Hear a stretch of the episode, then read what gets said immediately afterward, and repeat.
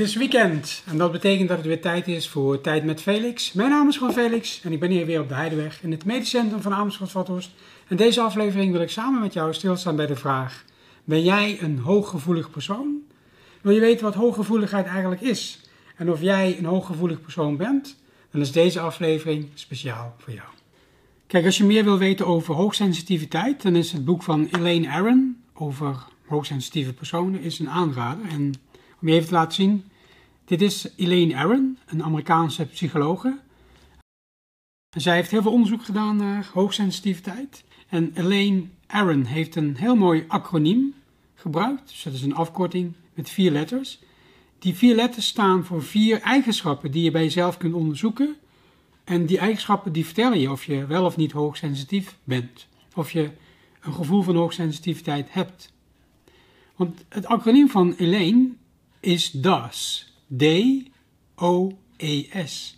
En het leek mij op een of andere manier leuk om van het woordje DAS het woordje doze te maken.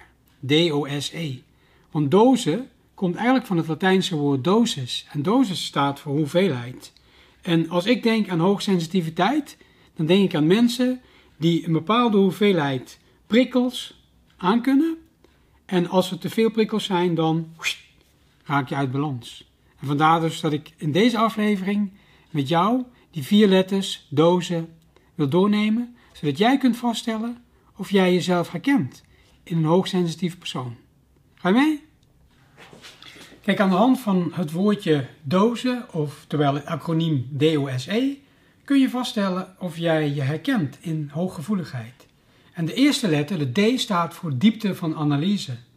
Mensen met hoogsensitiviteit zijn mensen die dingen overdenken. Die dus lange tijd nemen om over dingen na te denken voordat ze een beslissing nemen. Met andere woorden, ze zijn heel gevoelig voor de keuze die ze maken. En voordat ze de juiste keuze maken, de keuze die voor hun juist voelt, nemen ze tijd om na te denken. Dus als je iemand met hoogsensitiviteit iets vraagt, kan het even tijd kosten, omdat die mensen even tijd nodig hebben, om te overdenken en na te denken over de keuze die voor hen ligt. Dus als jij je daarin herkent, D staat voor diepte van analyse. Dan de O. De O staat voor overgevoeligheid of snel overprikkeld raken. Als jij merkt dat je in sociale situaties, waarin natuurlijk veel prikkels zijn, dat je aan je lichaam merkt dat je snel overprikkeld bent, en dat voel je in je lichaam, dan is dat een van de eigenschappen die horen bij een hoogsensitief persoon. We hebben dus de D gehad en de O. Dan gaan we nu verder met de S en de E. Ga je mee? En dat brengt ons bij de laatste twee letters, de S en de E. De S staat voor dat je sensitief bent voor subtiele stimuli. Dat je eigenlijk gevoelig bent voor hele subtiele prikkels. Dus kleine veranderingen in een ruimte of kleine veranderingen bij iemand, die merk je op als je hooggevoelig bent.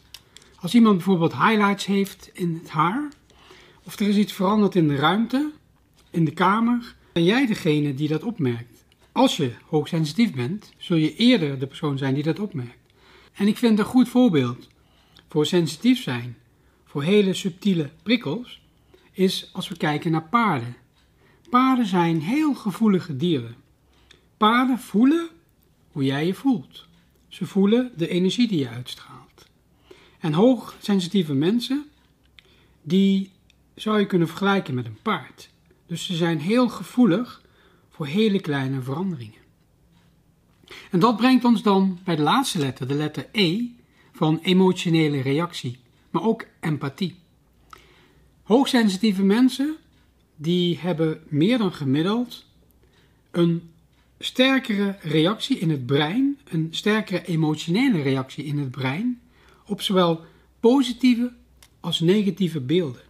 Dus als je mensen met hoogsensitiviteit beelden laat zien van verdrietige mensen of hele blije mensen, dan zie je in het brein, als je daar een scan van maakt, dat er een sterkere reactie is in het brein van zowel het deel in het brein dat gevoelig is voor angst als het deel in het brein dat gevoelig is voor, je zou kunnen zeggen beloning, maar ook eigenlijk het nieuwsgierigheidsstukje. Dus het dopaminerge deel het deel in ons brein dat met dopamine een fijn gevoel heeft en dat jou eigenlijk motiveert om te zeggen: ja, dat wil ik. Je zou het ook passie kunnen noemen.